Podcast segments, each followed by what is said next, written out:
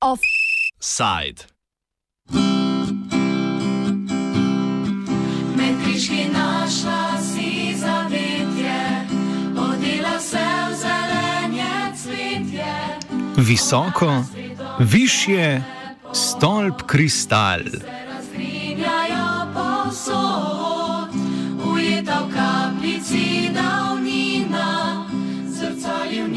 V slovenski turistični prestolnici na območju Kozijanskega in Obsotelja, kjer voda zdravilno žubori, a pika, ko teče po grlu. Kjer se kristali bleščijo vse do nebeškega svoda, prav tam, v Slatni blizu Rogaca, so se občani odločili kljubovati svojemu vitezu na belem krilatem konju. Vzniknili sta kar dve referendumski pobudi, ki preuprašujeta isti občinski odlog. Gre za odlog o spremembi občinskega podrobnega prostorskega načrta, ki predvideva izgradnjo 106 metrov visokega razglednega stolpa Kristal, ki bi ga z zdravili, zdraviliškim jedrom mesta povezoval nadhod Sonce. Na ta način bi ponovno oživelo klavrno, ali če uporabimo strokovni naziv, degradirano območje nekdanjega mizarstva, hkrati pa bi to lahko pomenilo začetek zgodbe o prebuditvi tržaškega hriba. Prostiraj krila, uspehom novim jadraj spet. Rogaška slatina stoletja, ponosno stoji kljubuje. Celoten projekt B po besedah župana in šolanega gradbenika Branka Kidriča za občino predstavlja ključno dodano vrednost. Poleg tega, da bi bil stolp s kavarno na vrhu že sam po sebi nov turistični produkt, ki bi po ocenah pritegnil 40 tisoč novih obiskovalcev letno, bi nova infrastruktura pomenila kar šest neposrednih novih delovnih mest. Pod stolpom pa bi na stojnicah svoje izdelke ponujali lokalni proizvajalci. Poleg vseh pridobitev bo del projekta, torej nadhod Sonce, v celoti financirana država iz ekosklada. To pomeni, da mora občina poiskati le še nedorečeno količino financiranja za razgledni stolp s parkiriščem za avtobuse. Močno začudeni lahko torej ugotovimo, da ima projekt zaradi številnih polen pod nogami dolgo brado. Prvič je bil javnosti predstavljen na začetku leta 2018. Podrobnosti nadaljnega razvoja pa lahko spremljate na spletni strani stolpkristal.com. Pa vendar vsi oporečniki za zdaj še niso uspeli preprečiti častnih načrtov župana Kidriča. Kot pojasni, so za nadhod sonce že prejeli gradbeno dovoljenje. Gradbeno dovoljenje za nadhod eh, smo pridobili. Eh, Prav tako smo pridobili tudi eh, odločbo o sofinanciranju tega projekta strani ekosklada. Eh, Izdeluje se naslednja faza projektne dokumentacije in ko bo ta izvedena, bomo lahko tudi eh, ocenili natančneje eh, finančno vrednost tega projekta. Rogaška slatina stoji. Županu lahko samo čestitamo za ustrajnost in neumorno garanje za dobrobit rogaške slatine in njenega turizma, ki ga ima tako rada. Dragi moji, dosti je bilo. Zato sem šla v Rogaško Slatino.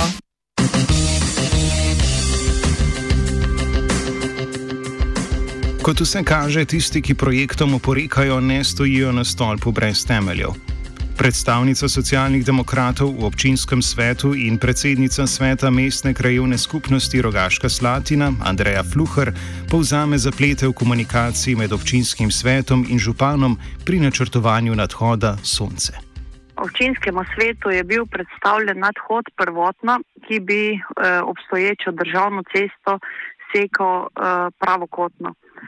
Kasneje, ko so poskušali pridobiti gradbeno dovoljenje, neuradno sicer eh, niso dobili soglasi eh, neposrednih solastnikov zemljišč, zato so traso enostavno spremenili in ta trasa cest, eh, nadhoda je zdaj eh, gre eh, diagonalno na obstoječo državno cesto, prečka tudi državno železnico in je postavljena v dolžini 132 metrov.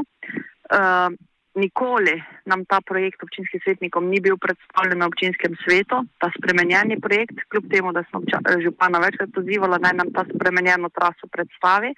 Uh, obstaja tudi že gradbeno dovoljenje, kot sem prej povedala. Uh, nikoli pa nismo videli ne vizualizacije in um, težko si predstavljam, na kakšen način uh, bo ta nadhod umeščen v rogaško.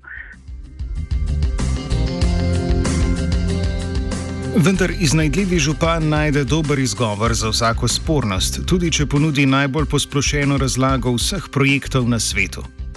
Vsak, ki načrtuje kakršen koli projekt, ve, ve, da gre eh, skozi več faz postopka. In tudi pred tremi leti sem, uh, ali pa smo imeli le idejno zasnovo ali idejo izgradnje nadhoda. V naslednji fazi smo ugotovili, da ta ideja ni izvedljiva zaradi različnih razlogov. Zato smo iskali alternativno rešitev, ki bi sledila ciljem. Cilji pa so povezati ože zdraviliško jedro z vznožjem tržaškega hriba, kot sem povedal. In izvedljiva ideja eh, je pokazala, da se eh, vstop na ta nadhod nekoliko zamakne, kljub temu pa je povezan z obstoječimi sprehajalnimi površinami. In v tem ne vidim nobene težave, da ne bi sledili cilju. Če eh, projekt v neki zgodbi ali v enem delu ni izvedljiv, je pač potrebno iskati druge rešitve. Zapleta se tudi pri ostalih delih celostnega projekta obnove degradiranega območja nekdanjega mizarstva. Ideja projekta namreč vključuje privatno investicijo v zemljišče, saj naj bi orglar Anton Škrabel poleg stolpa zgradil Evropski orglarski center z največjimi orglami na kontinentu in dvorano z 2000 sedeži.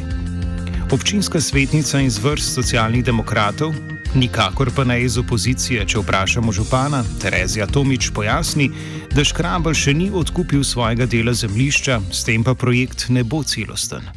Moram reči, februarja, ko smo bili na javni razgrnitvi, eh, sem ga prosila za pojasnilo, če lahko vse pove, v katerem času pa vendarle predvideva, da se bodo zadeve premaknile. Ne? Ker takrat smo vedeli, oziroma so nas seznanili, da ni še kupil preostalega dela zemlje, da je še vedno lastnik BTR-mo. Eh, takrat je povedal, da ima pač. Eh, eh, sklenjeno pogodbo oziroma namero, pisno namero o nakupu. E, kolikor danes vem, e, se ta namera ni e, izvedla oziroma zemlja mislim, da ni kupljena. E, drugač pa e, takrat je bila polna dvorana, so ljudje pač e, razumeli e, razumeli so bistvo uh, mojega vprašanja, ker jaz osebno menim, da iz tega orglarskega centra ne bo nikoli nič. To je preinvesticija, sanska ali pa pravlična. Če bi se jo dalo realizirati, bi bila čudovita.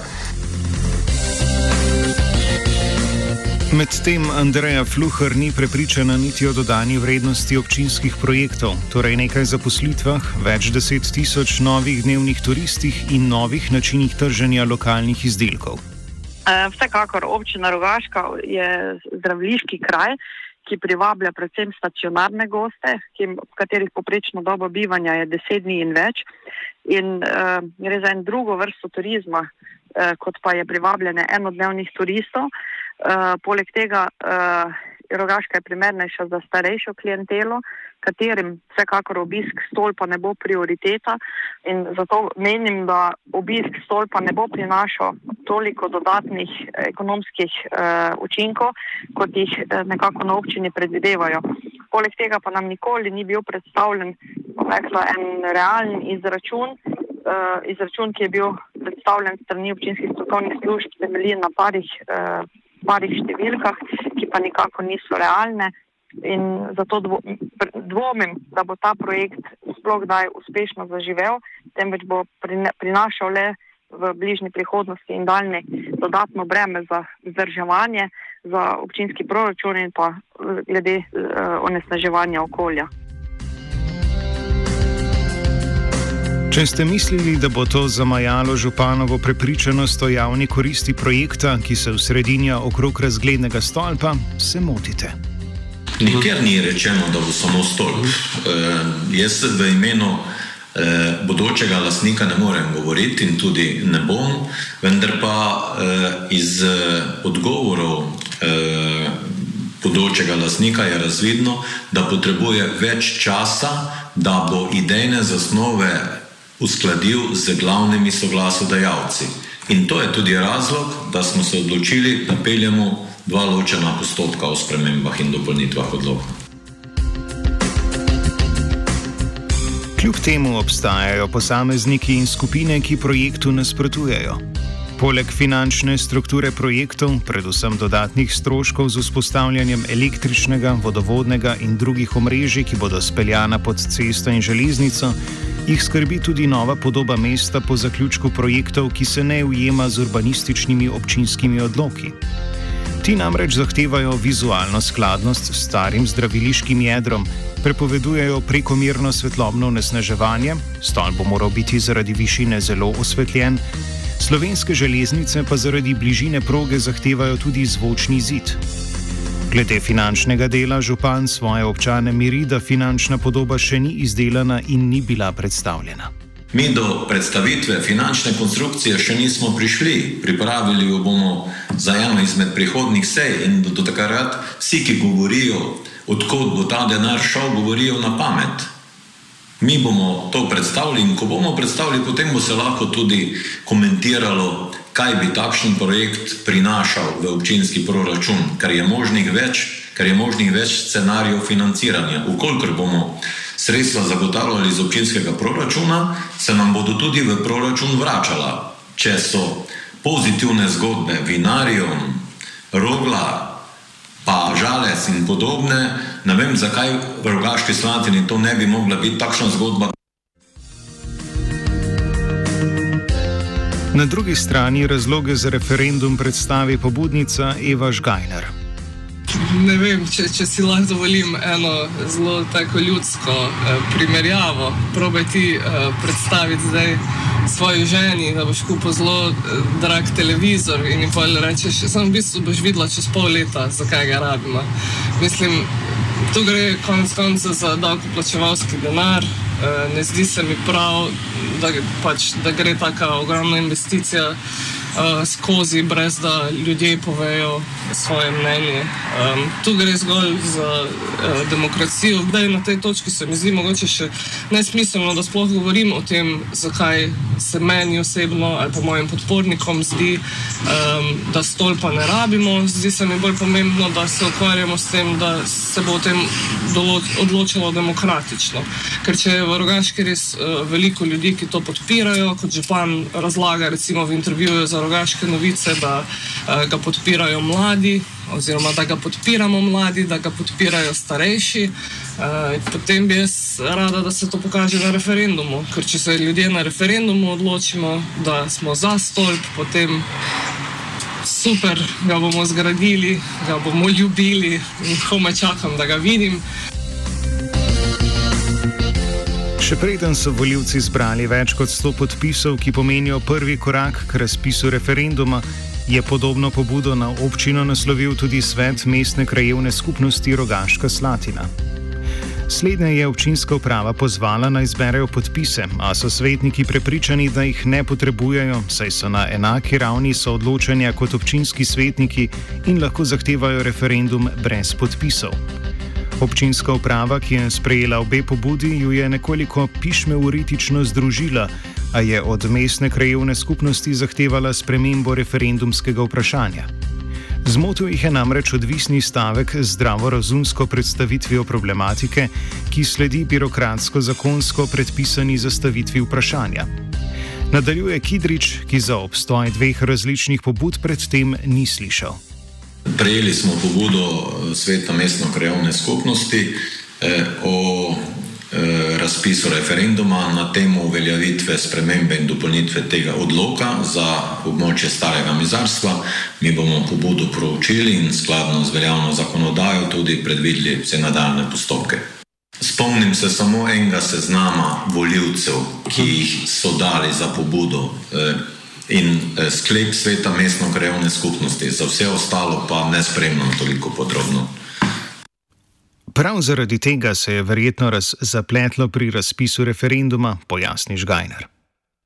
Tu pa je prišlo do, do čudne težave. Uh, namreč jaz sem uh, pobudo poslala 24.7. županu uh, in občinskemu svetu uh, in nisem na nobeni točki dobila odgovora. Um, videla sem že prej, da je tudi svet um, te mestne krajovne skupnosti poslal svojo pobudo. Um, pisala sem na uh, mail na občino in so mi odgovorili v smislu, ja, mi, mi že pri, smo že pripravili odredbo in bomo objavili, da, da se bo pač zbiralo uh, v septembru podpise za uh, referendum, in pa so mi poslali to odredbo, v kateri mene ni nikjer navedene, ampak je kot pobudnik naveden svet uh, mestne krajovne skupnosti in skupina voljivcev. Um, in jaz z njimi nisem nikakor povezana in sem jim pač rekla, ne, da kaj se zdaj dogaja, da tu ne gre za mojo pobudo, ker je tudi drugačno vprašanje v tisti pobudi. Uh, in so mi skozi odgovarjali v smislu, da, da jaz nečesa nisem razumela, da oni so imeli pravico uh, referendumsko vprašanje um, spremeniti, glede na zakon o referendumu in ljudski inicijativi, ker tam res 16. člen pravi, da, oni, um, da, da pač če vprašanje ni v skladu z um, pač tem zakon, zakonom, da potem. Uh, ga lahko oni spremenijo, ampak 20. Eh, člen pa pravi, da morajo to vsekakor preveriti, um, in, oziroma da lahko spremenjajo vse samo v soglasju z uh, vlagateljem. Oni pa z mano niso na nobeni točki niti poskušali komunicirati, in če bo pač. Če zadevi ne pridemo do dna lokalno, bo žal mogla iti na upravno sodišče, česar si jaz osebno ne želim. Ena izmed referendumskih pobud je torej prejela podporo več kot stotih voljivcev, druga podporo svetnikov mestne krajevne skupnosti. Obe skupaj sta v obravnavi na občini, pa vendar nekateri demokratično izvoljeni predstavniki občanov idejo zavračajo. Nadaljuje Tomič. Zdaj sem se na ključno pogovarjala z dvema predsednikoma eh, dveh političnih strank. Naš občinski svet je sestavljen iz predstavnikov petih strank in dveh list, se pravi, je že to hudo razdrobljeno. Ampak ta dva, tako sem bila razočarana in žalostna, ko sem ugotovila, da so proti referendumu. Proti referendumu, se pravi, proti temu, da narod sploh pove, kaj želi, Boji na požiralniku javnega denarja ob vrelcu zdravilne vode se bodo zaustrili v naslednjem mesecu, ko bo občina začela zbirati podpise podpore za razpis referenduma. A verjamemo, da bo na koncu zmagal vsemogočni turizem. Ni na ključe, da se ministr za turizem imenuje po vrelcih na Kozijanskem in obsotelju. Zdravko, saj prihaja iz neposredne bližine rogaške slatine. Mogoče ga je ravno mineralna voda navdihnila z milijon evrsko idejo - počivalčerji.